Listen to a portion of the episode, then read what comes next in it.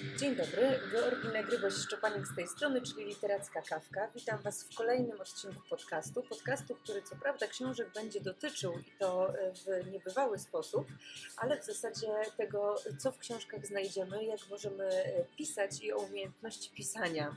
A nie kto inny może mi o tym opowiedzieć, ale Ewa Landowska E, twórczyni e, podręcznika i elementarza e, właśnie do nauki pisania, do nauki kaligrafii, która mam nadzieję rozjaśni nam dzisiaj arkana tej niezwykłej i chyba wygasającej niestety sztuki. Dzień dobry Ewo. Dzień dobry, postaram się, postaram. Mam nadzieję, że tak Ewo, wiesz, zastanawiałam się od czego powinniśmy zacząć tę rozmowę, żeby w miarę chronologicznie sobie wszystko ustawić, ale pomyślałam, że znalazłam taką część wspólną dla i dla Ciebie, czyli zachwyt starymi zeszytami.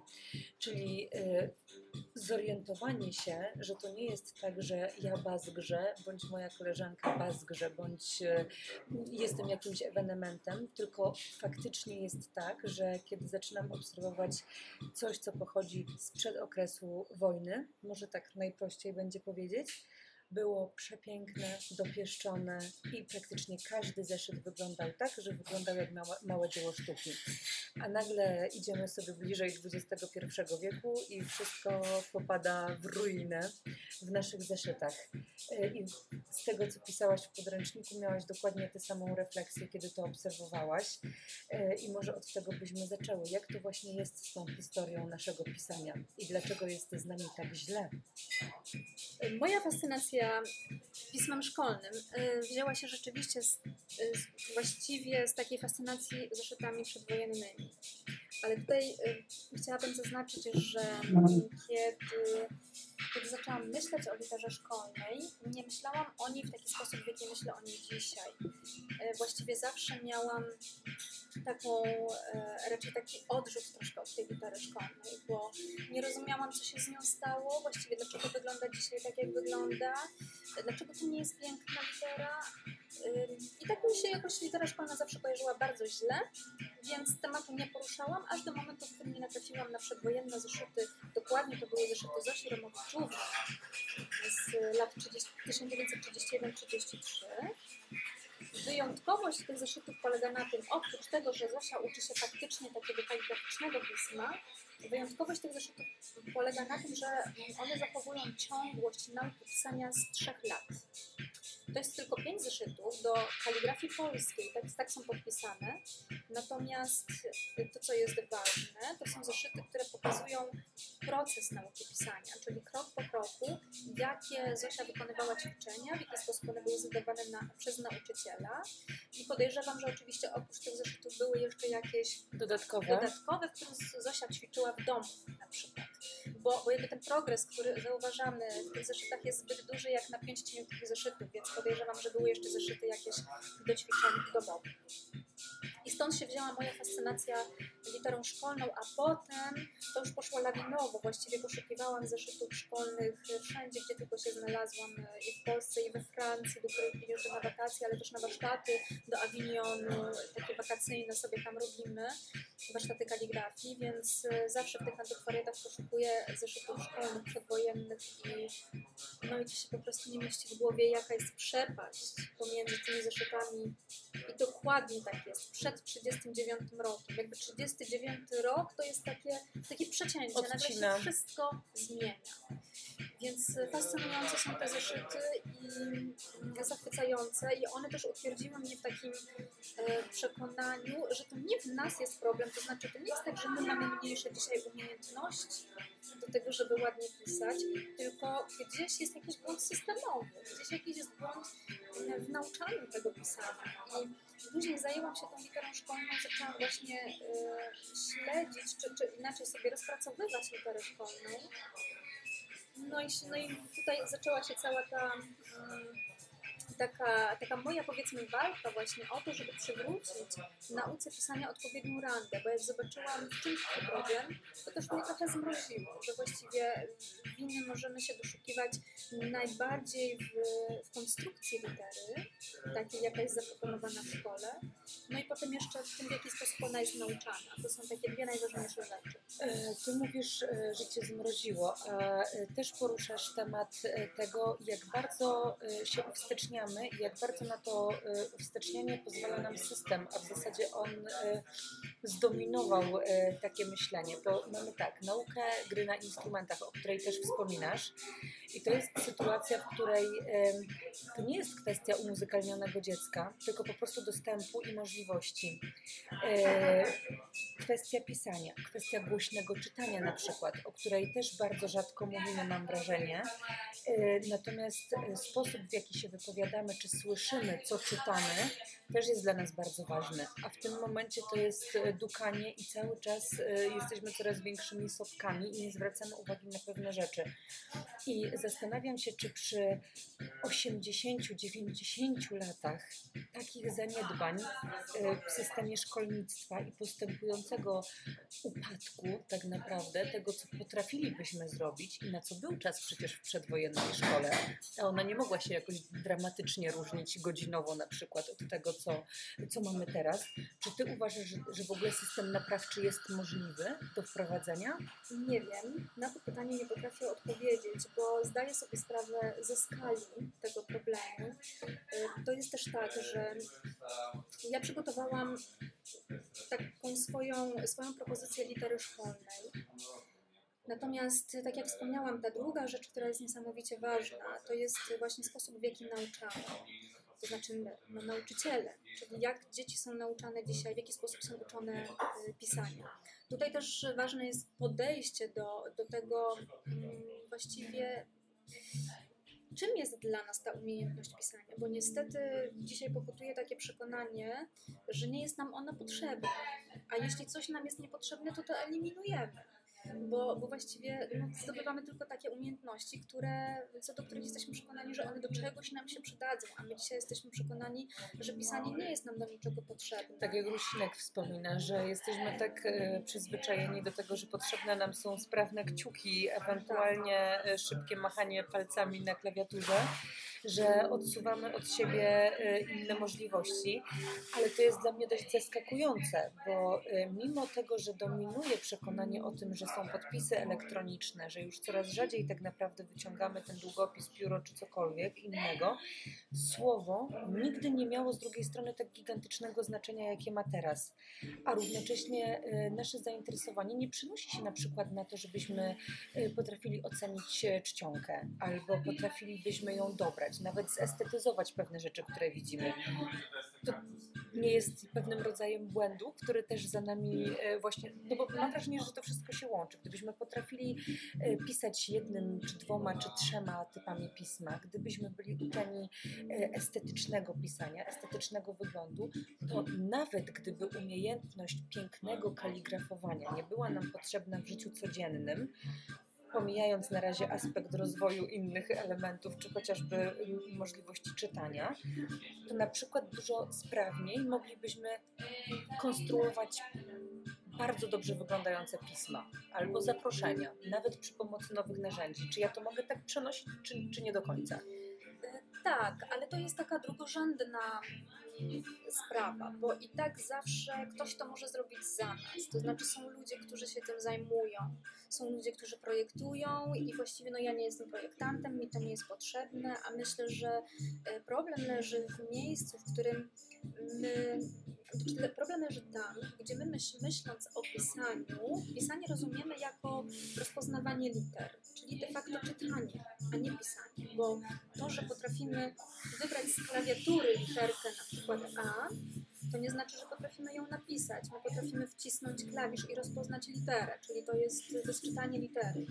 Natomiast y, pisanie rozumiane jako y, kreślenie liter, kształtu liter, tak żeby ręcznie, za pomocą narzędzia takiego jak długopis czy pióro, ołówek, obojętne, jakiego narzędzia piśmienniczego, rzeczywiście napisać literę, wyraz, zdanie i cały tekst, to jest zupełnie coś innego, ale ma to o tyle znaczenie, że po prostu nie jest to obojętne dla pracy naszego mózgu. I ja myślę, że to jest najważniejsza sprawa, na którą należy położyć nacisk, bo wtórny analfabetyzm, z którym mamy do czynienia w dzisiejszych czasach na coraz większą skalę, dosyć alarmującą już, y, on się bierze również z tego, że zaniedbujemy praktyki piśmiennicze. To znaczy w ogóle nie, nie używamy tej umiejętności pisania, bo, bo wszystko notujemy e, za pomocą narzędzi elektronicznych i tylko, żeby nie być tutaj takim e, gołosłownym, tu chodzi o to, że m, sam proces pisania pobudza w mózgu, czy aktywuje w mózgu ośrodek Broki, który jest odpowiedzialny innymi za rozumienie języka.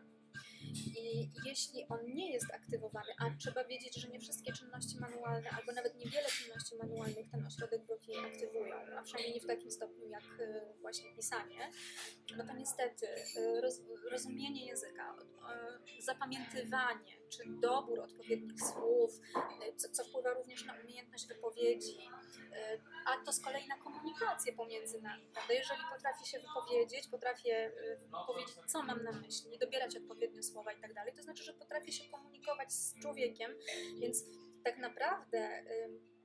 może brzmi to niewiarygodnie, ale, ale umiejętność pisania i praktyka y, taka piśmiennicza ma ogromny wpływ na jakość naszego życia. Więc jeżeli my to zaniedbamy, jeżeli właściwie sprowadzimy to do, do tego, że piszemy przez pierwszych kilka lat naszej edukacji, a potem przerzucamy się na komputery i klikamy, a nie piszemy, to trzeba rozróżnić, no to niestety y, to wpłynie na pewno na, y, na to, jakim jesteśmy społeczeństwem. Tak samo jak na to, jacy jesteśmy dzisiaj, wpłynęło to, że staliśmy się piśmiennym społeczeństwem. Tak, ty o tym wspominasz, że jeszcze do końca nie jesteś w stanie, i tak pewnie jak e, większość osób nawet badających temat, nie jesteśmy w stanie jeszcze określić, jak wpływa na nas ten wtórny analfabetyzm, czy to, że cofamy się w pewnych umiejętnościach, ale, ale już wiemy, że to nie będzie dla nas korzystne. No na pewno nie będzie korzystne. Nie, bo, bo, bo walka z analfabetyzmem, która była, którą po- podejmowali już pierwsi, jak ich nazwać, nie wiem, to na przykład Konrad Pruszyński w drugiej połowie XIX wieku, on właściwie zaczął, chyba był takim pierwszym w Polsce, który walczył o, o to, że, o, ten, o to, żeby społeczeństwo było jak najmniej, znaczy, żeby było jak najmniej analfabetyzmu w społeczeństwie, żeby w ogóle, zwłaszcza we wsiach, żeby ludzie stali się piśmienni, żeby ludzie czytali. Więc to była walka, y, która trwała właściwie do, do lat 50. XX wieku. Dosyć długo. Jeszcze dzisiaj są, są wśród nas osoby, które nie potrafią pisać i czytać, ale to jest naprawdę margines. Dzisiaj możemy się określić jako społeczeństwo ludzi, y, którzy czytają i piszą. Och, to miało ogromne znaczenie. No przecież wystarczy spojrzeć na to, jak się rozwinęliśmy, prawda? Y, Ja nie mówię, że nasze społeczeństwo polskie, ale ogólnie. Jak, jak to wszystko poszło, w jakim kierunku. I niestety tak samo będzie w drugą stronę, że jeśli, że ten wtórny analfabetyzm na pewno nie będzie niczym dobrym. Więc y, takie podstawowe umiejętności, jakie są dzisiaj umiejętność czytania, ze zrozumieniem umiejętność pisania, one powinny być w dalszym ciągu stawiane na na piedestale. tak, zwłaszcza w tych początkowych latach nauki. Co ma miejsce na przykład za naszą wschodnią granicą. W Rosji y, umiejętność pisania jest niesamowicie ważną umiejętnością. Ale wiem, wiesz, co by wszyscy odpowiedzieli? Że grażdanka wymaga więcej umiejętności, e, wiesz, bo my jesteśmy opatrzeni z naszym alfabetem, który powiedzmy jest jest bardziej... Nieprawda, że Ale że oczywiście więcej. To jest po prostu inny znak. Ja wiem, tylko, tylko wiesz, forma znaku na przykład, Tak. czy skomplikowania, y, kiedy patrzymy z perspektywy przyzwyczajenia do tego, co mamy przed sobą, no to oczywiście, wiesz, jest całą opowieścią. Tak samo jak na przykład mówienie, że we Francji piszą ładniej, bo y, R i Z wyglądają inaczej i są na tyle ozdobne, że na przykład, wiesz... y, y, automatycznie są ładniejsze, bo tak, takie, takie rzeczy słyszałam, że po prostu to jest kwestia na przykład właśnie zmiany jednej litery. Jakby nie ma globalnego patrzenia, tylko jest odpychanie od siebie problemu. We Francji piszą ładniej, bo ich litera szkolna wygląda zupełnie inaczej niż nasza. Każdy, kto był we Francji na wakacji i wszedł do restauracji albo kawiarni, no i dzisiaj się pisze często ręcznie menu, prawda? Czy tak na jakiejś dużej tablicy są napisane pozycje y, z karty, które można sobie wybrać i tam we Francji ma się wrażenie, jakby to było jakoś. To zawsze one są tak samo napisane, te tablice, bo to jest ta charakterystyczna litera francuska. Zresztą podobno mają też w Portugalii, w Belgii, czyli właśnie w tamtym rejonie Europy. Oni się uczą takiej litery w szkole i jest to na tyle ciekawa i interesująca litera, że ona jest właśnie stosowana na przykład w takich sytuacjach, czyli, e, czyli w kawiarniach, w karcie menu. No wyobraźmy sobie u nas w restauracji kartę Po menu, pierwsze, każ, napisano- każdy pisze inaczej w Polsce, bo Tak. ja, ale dlaczego? No, ale, ale sama przytaczałaś bad- badania, y, które robiłaś, że około 60% osób w ogóle jest niezadowolona z tego, co, y, jakiego pisma się uczy, że im się nie podoba to pismo szkolne. Tak. Więc szczerze powiedziawszy, y, wręcz się ucieka od niego i próbuje pisać inaczej, albo skoro nikt nie zwraca nam uwagi, to jest y, hulaj dusza. W związku z tym, no albo jesteśmy od hulfonów przez ym, jakieś kanciaste totalnie litery. Poza tym też jest kwestia łączeń, z którymi ja na przykład mam ogromne problemy i zdaję sobie sprawę z tego, że mam wolną Amerykankę po prostu, jak To piszę. zaraz powiem, dlaczego tak, nie, nie, nie tylko ty tak masz, ja tak mam i, i większość z nas tak ma, bo my jesteśmy, ja jestem z tego też pokolenia, znaczy w ogóle my wszyscy już teraz po wojnie uczymy się bardzo podobnej litery, ona trochę się zmieniała, bo jeszcze, mm, bo jeszcze po, w pierwszych latach po wojnie, a właściwie nawet do początku lat 80., kiedy jeszcze elementarze falskiego obowiązywały, czy były najczęściej używane, to tam litera, która jest zaprezentowana, to jest litera tak zwana dwuelementowa, czyli ona jest pisana e, stalówką, która może kreślić zarówno cienkie, jak i szerokie linie. E, Więc różne elementy w tej literze mają różną szerokość. Albo jest cienka, albo szeroka. Natomiast jeśli ją mm, ogołocić z tej właśnie dwuelementowości, napisać dokładnie tę samą literę, ale już twardym narzędziem, długopisem, który zawsze kreśli taką, takiej samej szerokości linię, to okazuje się, że to jest bardzo podobna litera do tej, którą mamy dzisiaj w elementarzu. Mhm. Chociaż trochę zgrabniejsza, ale jednak y, bardzo, bardzo podobna. Tak mogłoby powiedzieć y, nie siostra tej litery. I teraz problem y, z tymi literami polega na tym, że no bo czy one nam się podobają, to jest czasami kwestia gustu, aczkolwiek nie można powiedzieć, żeby to była obiektywnie, żeby to była litera piękna, bo piękno ma jakieś określone też proporcje, przynajmniej jeśli mówimy o takiej mm, graficznej stronie. Akurat jeśli chodzi o literę, zawsze tak było. No, litera, y, litera łacińska to jest y, 3000, niektórzy nawet mówią, że prawie 4000 y, lat. Y, Czyli historia litery łacińskiej jest już całkiem, całkiem długa. I tam się wydarzyło bardzo dużo ciekawych rzeczy w tej, w tej literze łacińskiej, ale y, wszystko zaczyna się od kapitału rzymskiej, która ma po prostu idealne, złote proporcje. I kolejne pisma, które powstawały w kolejnych epokach, mm, bazowały na tej kapitale, kapitale rzymskiej.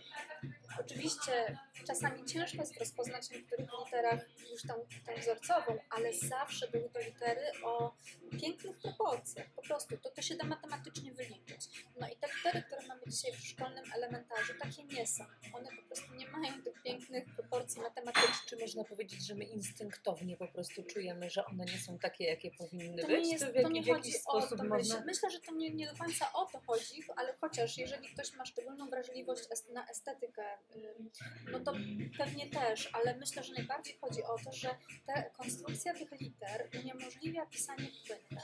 Ja zawsze tutaj używam metafory muzycznej, bo myślę, że każdy z nas, zresztą nawet nie trzeba uciekać się do muzyki, czyli na przykład do śpiewu, chociaż każdy z nas ma doświadczenia ze śpiewaniem, ale niektórzy mogą mieć bardzo złe, więc, więc to nie musi być śpiewanie, wystarczy mówienie.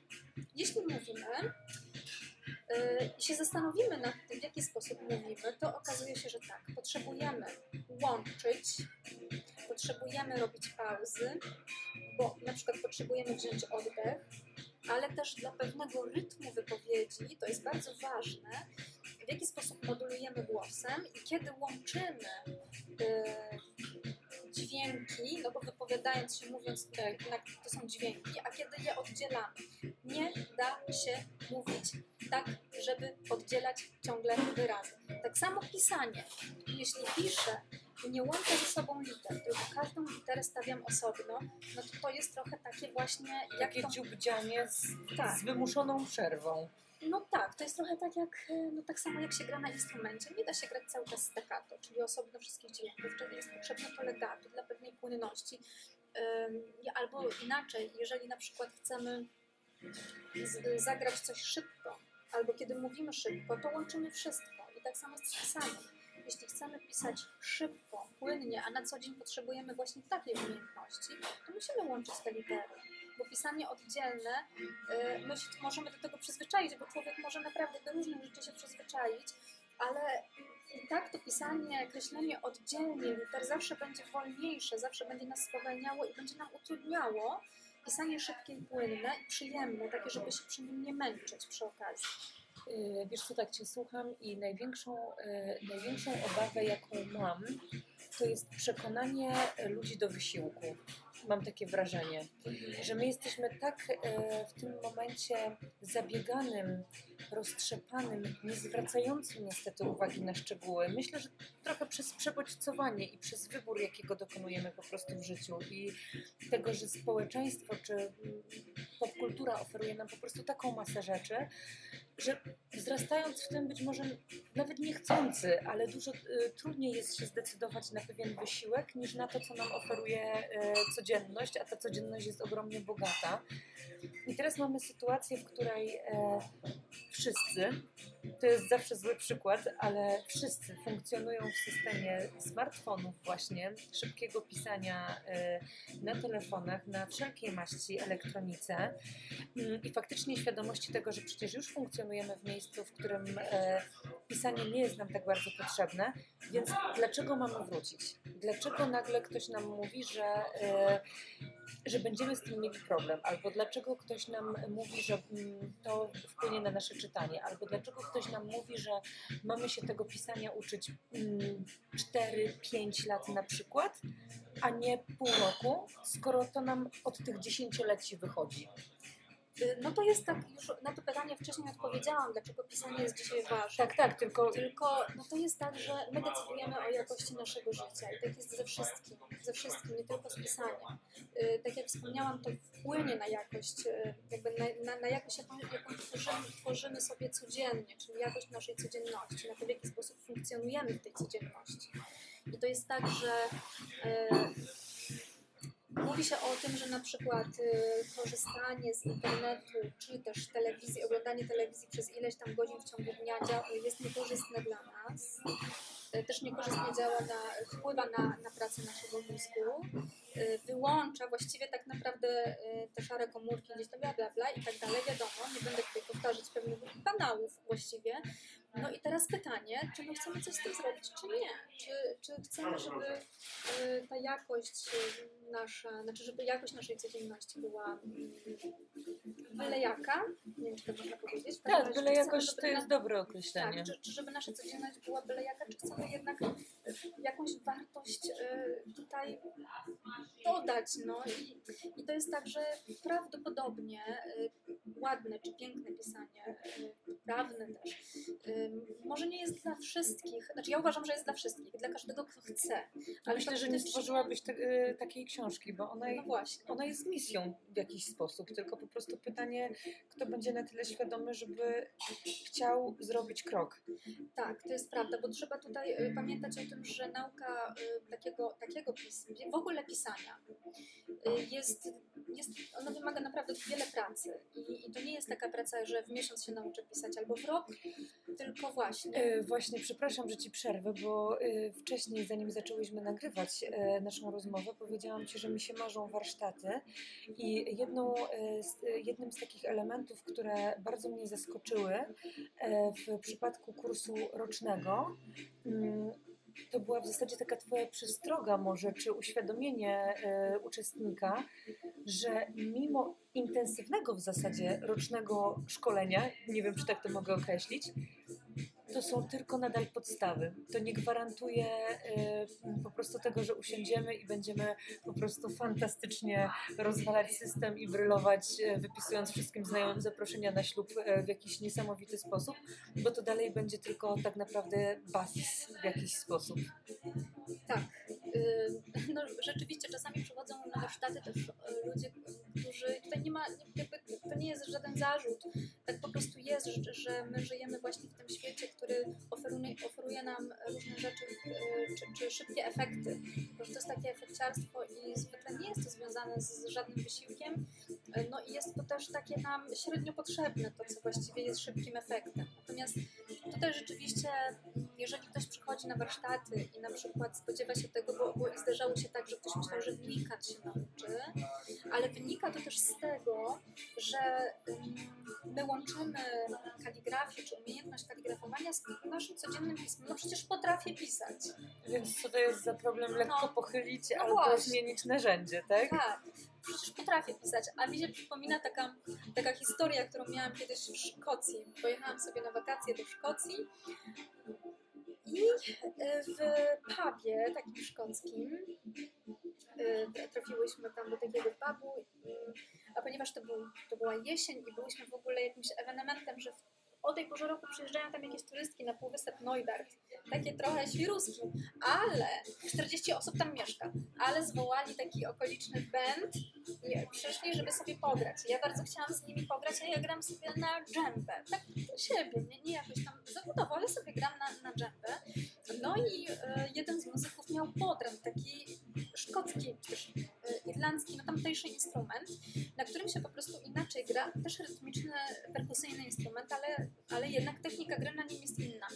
Mnie się wydawało, że ja to złapię w moment. Wzięłam ten instrument i nie potrafiłam sobie z nim poradzić. Zaskakujące było to, że, e, że Paul wziął dżembę i on nie potrafił zagrać właśnie na tym. Także to, to było niesamowite.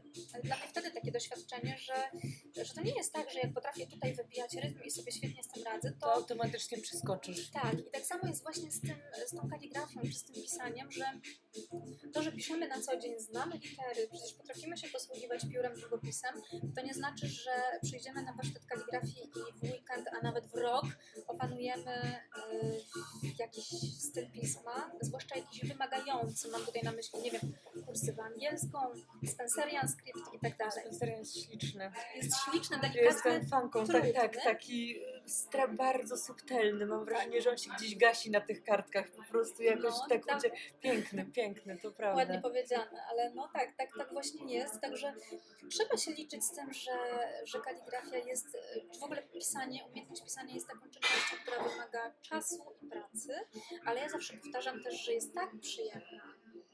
Jeśli nie nastawiamy się od razu na efekt, tylko na ten proces, który nas czeka, jest to coś tak przyjemnego, że po prostu wydłużmy sobie tę przyjemność. Niech ona nie trwa rok, tylko niech trwa właśnie te 4 lata, 5. Wiesz, nad czym się teraz zastanowiłam, jak tak, jak, jak tak o tym mówisz?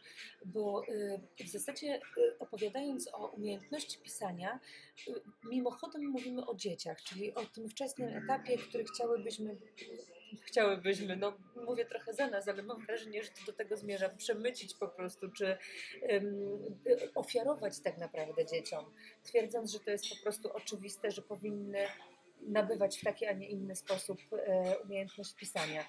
Ale zastanawiam się, czy w takiej sytuacji, w jakiej jesteśmy, na przykład niełatwiejsze byłoby przekonać dorosłych do tego, że nastanie moda na piękne pisanie, czy to jest jakaś droga do tego, żeby ludzi po prostu zaangażować, albo siłą rzeczy tworzyć trochę brygadę na przykład zaangażowanych rodziców, którzy zaczną na to zwracać uwagę. Już tak z- przenoszę sobie to może na banalne tory, ale jeżeli Chodakowska poruszyła świat i, i stwierdziła, że można ćwiczyć, czy my jesteśmy w stanie coś takiego zro e, zrobić po prostu z pisaniem? Czy my możemy stworzyć modę na pisanie, żeby ona zaczęła trochę pod, podprogowo działać? Czy, czy to nie byłby sposób na to, żeby ją przemycić po prostu do normalnego obiegu, czy do wrócenia po prostu do dobrej formy nauki? Y, Na pewno. W ogóle moda na pisanie, czy też na kaligrafię, ona trwa już od jakiegoś czasu. No może nie jest to taka moda jak kulinarna moda, albo właśnie y, fitness i tak dalej, to nie wiem, czy to kiedykolwiek aż, aż tak y, przybierze takie Ekspansja rozmiary. kaligrafii. Chociaż właśnie, nigdy nie wiadomo, ja się naprawdę 20 lat temu nie spodziewałam się, że, że dzisiaj będę w tym miejscu, w którym jestem, że będę, że zrobię swój elementarz, że, że No jest muzeum. muzeum, że podręczniki do kaligrafii, no w życiu, w życiu bym nie pomyślała wtedy, jak, kiedy, startowałam z kaligrafią i, i zaczęłam się tym zajmować, po prostu robiłam to dla, tylko dla przyjemności, bo to naprawdę nie było nikomu potrzebne. E, także i tak jestem w szoku, że dzisiaj jest takie zainteresowanie i że w zasadzie ta moda na kaligrafię napisanie gdzieś tam albo już jest, albo raczkuje faktycznie. Z tym, że no, tylko, że tutaj są jakby dwa fronty. Jest właśnie ten front e, takich świadomych rodziców, którzy, którzy chcą dla swoich dzieci jak najlepiej. I tutaj nie chodzi o jakieś fajerwerki, żeby nie wiem, żeby gwiazdka z nieba, kosmos jakiś. E, to nie chodzi o rzeczy, które są. Mm, e, jakiego słowa użyć? Przerostem formy nad treścią, bo to jest akurat podstawowa umiejętność, którą naprawdę warto swojemu dziecku dać, bo Świetne jest taki, takie badania są prowadzone, były prowadzone, to były zdaje się w Japonii, e, w którymś z krajów azjatyckich, właśnie na temat tego, jaki kaligrafia ma wpływ na, e, na jakość na przyswajania sobie wiedzy w szkole na przykład. I były prowadzone w jednej szkole takie badania, to znaczy dzieci jakoś tam nie pamiętam, czy codziennie, czy ileś razy w tygodniu zostawia, zostawały po lekcjach i przez jakieś 40 minut miały takie, taką właśnie lekcję kaligrafii. Okazało się, że po jakimś tam czasie zaczynają osiągać znacznie lepsze wyniki od tych, które nie zostawały. które nie nie zostawały, ćwiczyły. które nie, nie praktykowały e, kaligrafii. Albo na przykład e, wprowadzono takie zajęcia dodatkowe dla pracowników jakichś korporacji em, i okazało się, że ci, którzy ćwiczą kaligrafię, e, są, e, osiągają znacznie więcej na swoich stanowiskach w pracy. Więc to naprawdę jakby kaligrafia daje nam dużo więcej niż tylko piękną literę, którą można się Ale w ogóle y, kraje wschodnie mają przecież em, na zasadzie zawodu, czyli mistrza kaligrafii. Tak. I to są przecież y, niezwykle szanowane osoby, które po prostu y, no, uchodzą w zasadzie. Myślę, że tak mogłabym to przełożyć na europejski system, jak profesor, jak pewien Tak. rodzaj, prawda? Tak, tak, jest- zdecydowanie. Tam kaligrafia y, w ogóle urasta do, do rangi ale Sztuki. ale naprawdę sztuki. To nie jest tak, jak u nas się mówi, że kaligrafia, sztuka pięknego pisania i to jest taki trochę, Frazes taki trochę. tak, to dokładnie, że to jest bardziej rzemiosło. Natomiast tam tak, tak naprawdę ta kaligrafia łacińska tutaj y, w, w Europie, ona, ona nigdy nie, nie sięgnęła takich, takich, nie- jakby nie przekroczyła pewnych granic, które przekroczyła na przykład właśnie w krajach azjatyckich, czy To też też jest trochę duchowa kwestia, mam wrażenie, jak oni opisują pociągnięcia pędzla, y, figury, które się tworzy, y, ruchy w powietrzu. To, to Ale jakby, samo jest z hebrajską kaligrafią. no tak, no jest magia. Tak, więc z arabską. Tam y, to też wynika z tego, że akurat w tych, y, w tych kulturach, religiach nie można, nie ma przedstawień, więc litera jest właściwie takim jedynym przedstawieniem y, Boga.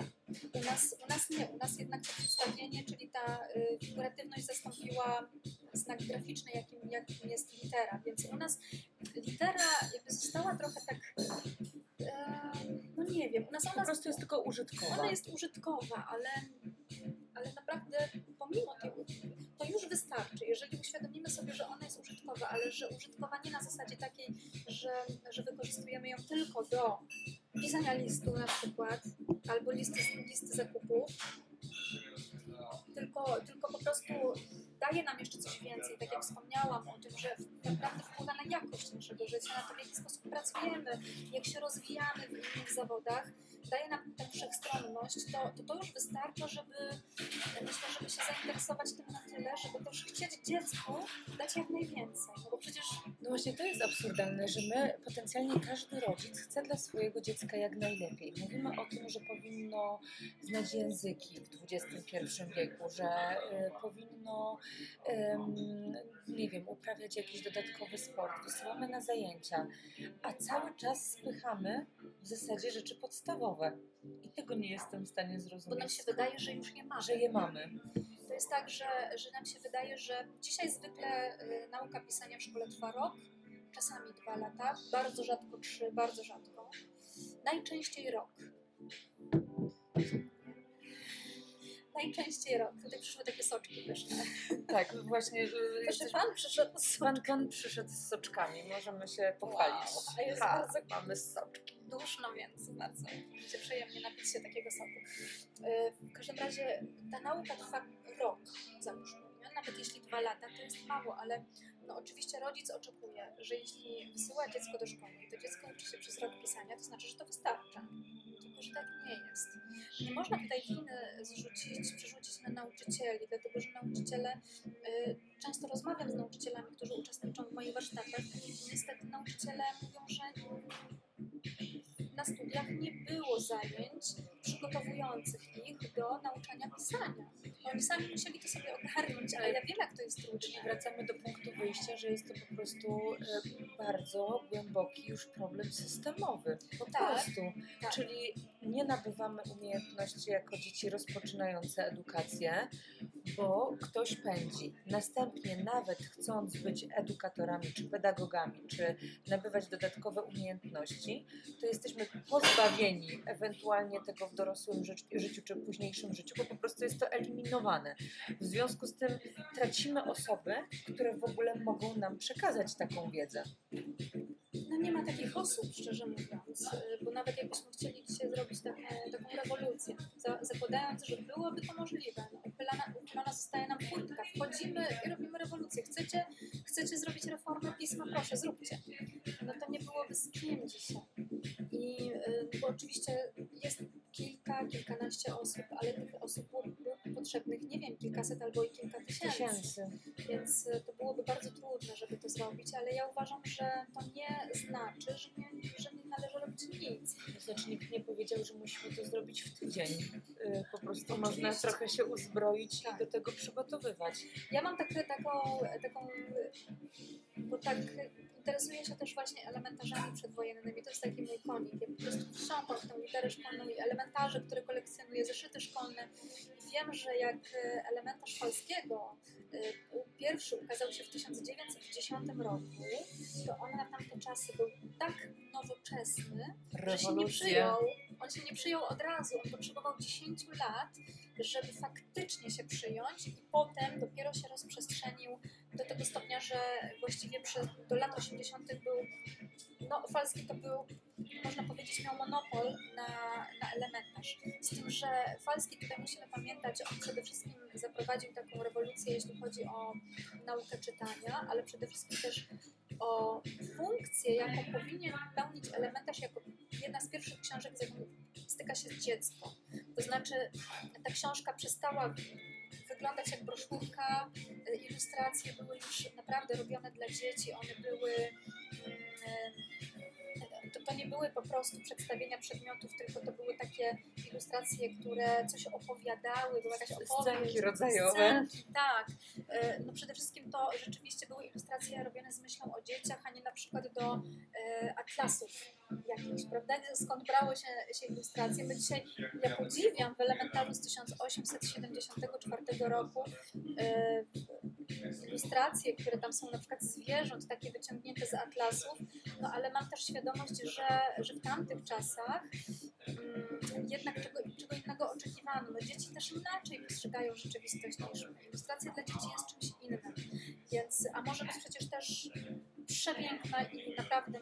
na niesamowicie wysokim Nawet powinna. Ja teraz jak, jak e, patrzę na książki i, i tak naprawdę ten pierwszy e, system ocenny, który mamy, on zawsze będzie wzrokowy. My o tym cały czas zapominamy. Ja uwielbiam, jak wszyscy się oburzają, powtarzają, nie, nie kupuję, nie oceniam książki po okładce i tak dalej, i tak. Uważam, że tak nie powinno być. My właśnie powinniśmy widzieć po prostu wspólnotę y, tytułu, okładki, wnętrza. To jest całość. Książka jest całością. Po to w taki sposób była budowana i się rozwijała przez setki lat, mm, żeby, żeby wyglądać finalnie po prostu fantastycznie. A my niestety...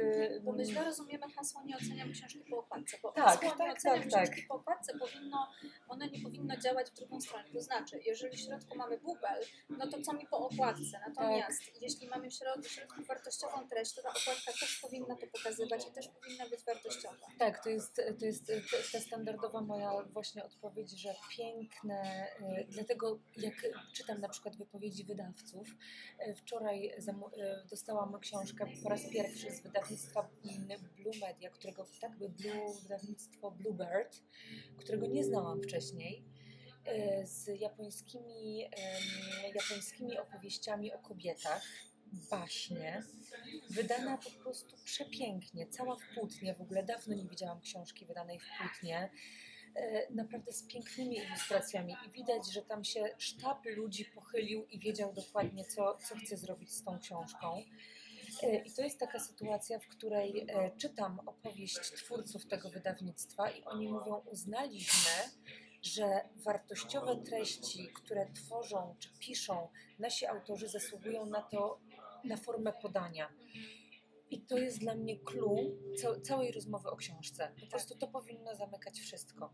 Że jeżeli naprawdę tak mocno pompujemy e, to, co jest zapisane wyrazem, słowem, jakkolwiek to nazwiemy, to znaczy, że moglibyśmy się pochylić nad tym, jak to wygląda. I też Przemek Dębowski, z którym rozmawiałam jakiś czas temu, powiedział bardzo mądrą rzecz. Jak patrzysz na książkę i widzisz, że na przykład e, tytuł książki jest zapisany tą samą czcionką, co tytuły na przykład poszczególnych rozdziałów, albo e, kolorystyczne elementy są tożsame na okładce, na wyklejce i w środku, to już ci to powinno dać znak, że ktoś o tym w ogóle pomyślał. A my niestety mamy tendencję do tego, że y, estetyka zaczyna właśnie być źle pojmowana w przypadku książek, tak jak powiedziałaś, że cały czas źle zrozumiemy to, y, ro- rozumiemy to przysłowie.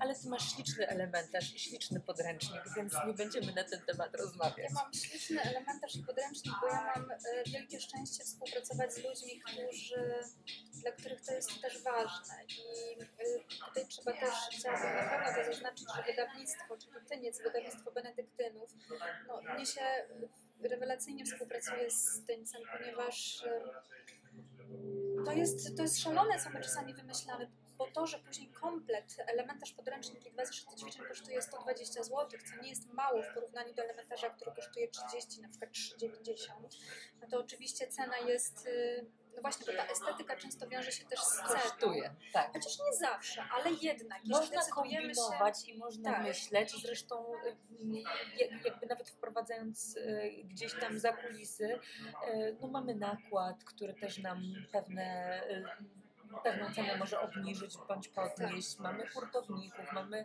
no generalnie jest trochę możliwości, żeby kombinować pytanie, co chcemy uzyskać. Tak, ale, ale trzeba tutaj pamiętać też o tym, że jeżeli na przykład papier, który, którego używamy, to jest naprawdę bardzo dobrej jakości papier, ale to jest papier, to też daje nam taką pewność, że ta książka nie zniszczy się od razu, że to nie będzie taka książka na chwilę, tylko to będzie książka na lata. Nie ma tutaj sztucznych materiałów, ja celowo nie chciałam, żeby tu był jakikolwiek plastik, więc może być takie wrażenie, że książka będzie się szybko brudzić, ale kurczę, ta książka wygląda tak, że ona nawet jak się pobrudzi, to nie będzie To jest urokliwe, Tak, to- nadal urokliwe. tak, że to jest tak jak pewne produkty starzeją się na korzyść e, Z klasą. z klasą. I właśnie tak myślę też, też jest właśnie z tymi książkami. Tak jak na przykład mamy piękną literę, to jest podręcznik do kaligrafii, który jest bardzo podobnie e, wydawany, e, jak, jak tutaj ten podręcznik do, dla elementarza i tak dalej.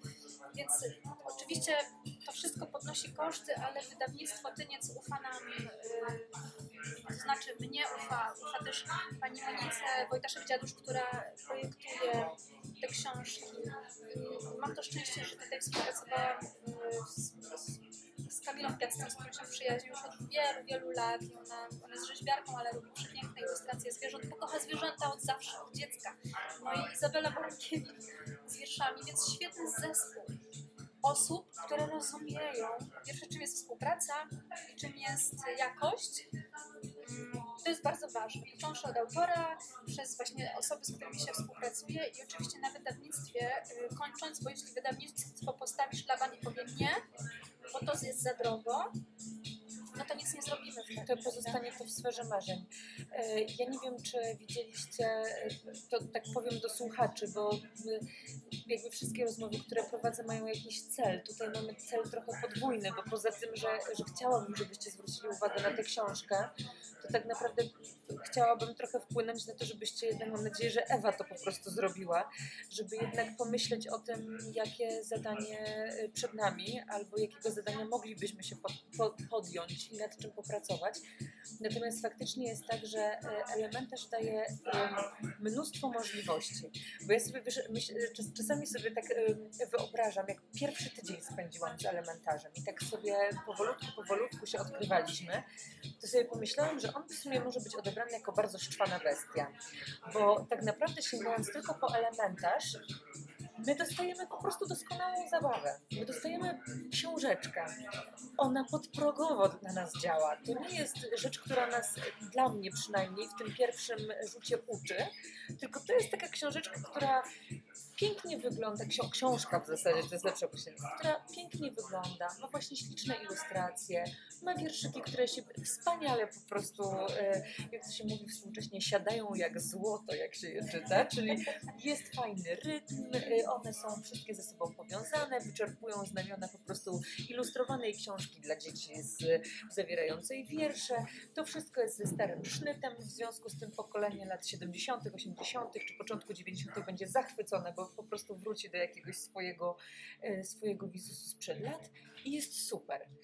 Schody zaczynają się, kiedy bierze się podręcznik do ręki i podręcznik zaczyna analizować, próbując zrobić jakieś e, ćwiczenia. I, I tutaj polegamy. I tutaj nagle, nagle się okazuje, że, że po prostu e, Ewa Landowska zrobiła nas e, w Piccolo e, i tutaj dała taką piękną historyjkę obrazkową, a tutaj nie, będziesz cierpiał, będziesz ćwiczył. Nie, oczywiście, Ja to zaraz tutaj będę... oczywiście trochę się śmieję. Po, re, po reklamie dużej, mam nadzieję skutecznej, podręcznika i elementarza, mam do Ciebie taką, Ewo, prośbę, e, zamykającą trochę naszą opowieść. E, Czy jesteś w stanie podsumować, albo czy jesteś w stanie w ogóle e, wskazać na przykład trzy rzeczy, od których przeciętny człowiek powinien zacząć, żeby albo ponownie zmobilizować się do nauki, albo razem ze swoimi dziećmi zacząć e, tą przygodę po prostu od początku, od podstaw. No jeśli trzy rzeczy, to najprościej. Elementarz, podręcznik do nauczania pisma szkolnego dla nauczycieli i rodziców, który jest do tego elementarza oraz zeszyty ćwiczeń. A tak, ale tak e, jakby trochę tutaj chciałabym wrócić do tego, e, do tego o czym wspomniałaś, że te piccolo i tak dalej, to nie do końca, bo ja zaproponowałam taką literę, która chciałam, żeby też była dosyć prosta do przyswojenia i gwarantuję, że ta litera jest łatwiejsza niż ta, której się uczymy w szkole.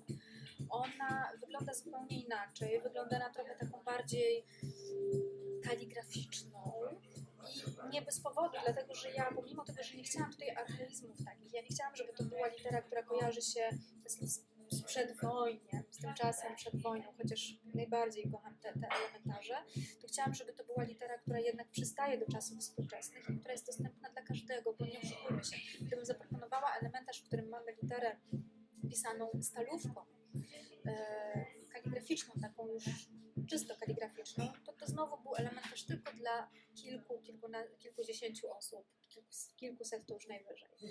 E, A ja chciałam, żeby to był taki podręcznik, taka litera, która będzie dla każdego, absolutnie dla każdego, żeby to była litera e, ładna, przyjemna w pisaniu, nawet jeśli piszesz tylko długopisem, bo ja często piszę długopisem. E, Więc nauczenie się, znaczy na pewno każdy rodzic czy też nauczyciel, który chciałby uczyć swoje dzieci, powinien nauczyć się też pisać tą literą. A ponieważ miałam już warsztaty i prowadzę takie warsztaty od czasu do czasu właśnie dla dorosłych z tej litery elementarzowej, to widziałam, jakie są nieprawdopodobne efekty. W weekend, sobota, niedziela, łącznie chyba 14 godzin, em, osoby, które uczyły się na tych warsztatach, zrobiły tak piękne, znaczy tak w ogóle, ja nie, no, mi odjęło mowę, bo ja, ja trochę czułam się niepotrzebna. Myślę sobie, no super, myślę, że tak jest zrobiony ten podręcznik i, i zeszyty ćwiczeń, że rzeczywiście beze mnie tutaj się mogłoby obejść. Tylko ja wiem, że warsztaty są motywujące i niektórzy, jeśli nie przyjadą na takie warsztaty, to ciężko będzie im się zmotywować. Także mm, w podręczniku wszystko jest wyjaśnione krok po kroku. Każda litera jest napisana, jak ją kreślić. Napisałam, opisałam nawet takie błędy, które mogą się pojawić i opisałam, jakby oznaczyłam je, żeby zwrócić na nie uwagę, żeby się ich wystrzegać. Czasami pisałam, w jaki sposób się ich wystrzegać, więc to wszystko powinno być pomocne dla osoby dorosłej, która chciałaby opanować takie literki. No i co mogę powiedzieć? Ja, elementarz wygląda tak, jak wygląda, bo on ma zachęcać dzieci do uczenia się tych liter. Więc, Otworzyłam puszkę Pandory po prostu. Nie, no Tak. żartuję, ale to dobrze, to dobrze. tak, zależało mi na tym. Poza tym dzieci są, dzieci są niesamowite, dzieci są też wymagające, ale dzieci doceniają, naprawdę doceniają jakość. Już mam takie sygnały od, bardzo często od, od rodziców, częściej od rodziców, że są zachwycone wierszykami, że po prostu każą sobie czytać każdego wieczora, wracają do swoich ulubionych. Y, Akurat Iguana na przykład jest taką, Iguana Izabela jest taką, y, taką postacią, która chyba najczęściej, do której najczęściej się wraca, y, co mnie dosyć zaskoczyło. Ale mm, no, nie wiem, co mogę. Chciałam jeszcze coś powiedzieć, ale już się też trochę zakręciłam w tej swojej odpowiedzi nawet nie wiem już, co, co ja chciałam powiedzieć, ale naprawdę myślę, że materiał, który, który przygotowałam jest wystarczający do tego, żeby nawet samemu opanować te, te literki. I naprawdę one są łatwiejsze niż te litery, które dzieci muszą się uczyć się w szkole, bo to są bardzo trudne litery. Proszę mi wierzyć, e, nauczenie, żeby nauczyć się pisać tymi literami, które dzisiaj w szkole dzieci piszą. Proszę spróbować. Ale nie tam raz jedną literkę, tylko nauczyć pisać się tak, żeby pisać całe teksty, a potem, uwaga, kolejne zadanie. Nauczyciel, y, dziecko przechodzi z trzeciej do czwartej klasy i nagle ma pisać tymi literami szybko, Ja jestem teraz na takim etapie i proszę mi wierzyć, że jestem przerażona. bo to jest niemożliwe. Tymi literami się szybko pisać nie da. Więc tymi, które są aktualnie w szkole. Ja zaproponowałam taką literę, która powinna być taką trampoliną, że jak się opanuje tę literę, to później można płynnie przejść takiego do kolejnego etapu, do tego indywidualizowania charakteru pisma. Także mam nadzieję, że ta litera będzie spełniała taką funkcję.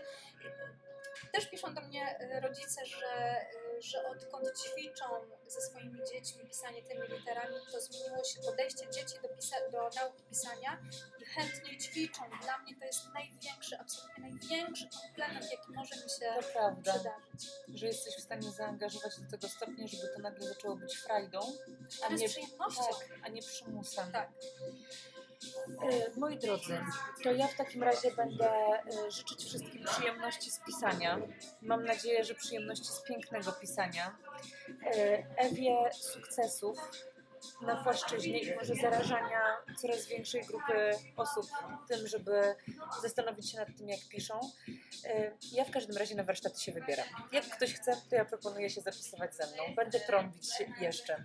Ewo, bardzo, bardzo Ci dziękuję za dzisiejszą rozmowę, a Was odsyłam i będę odsyłać e, do social mediów i mediów, na których możecie znaleźć informacje o elementarzu, o podręczniku, o zeszycie ćwiczeń, a moim i Waszym gościem była Ewa Landowska. Bardzo dziękuję za rozmowę i cierpliwość.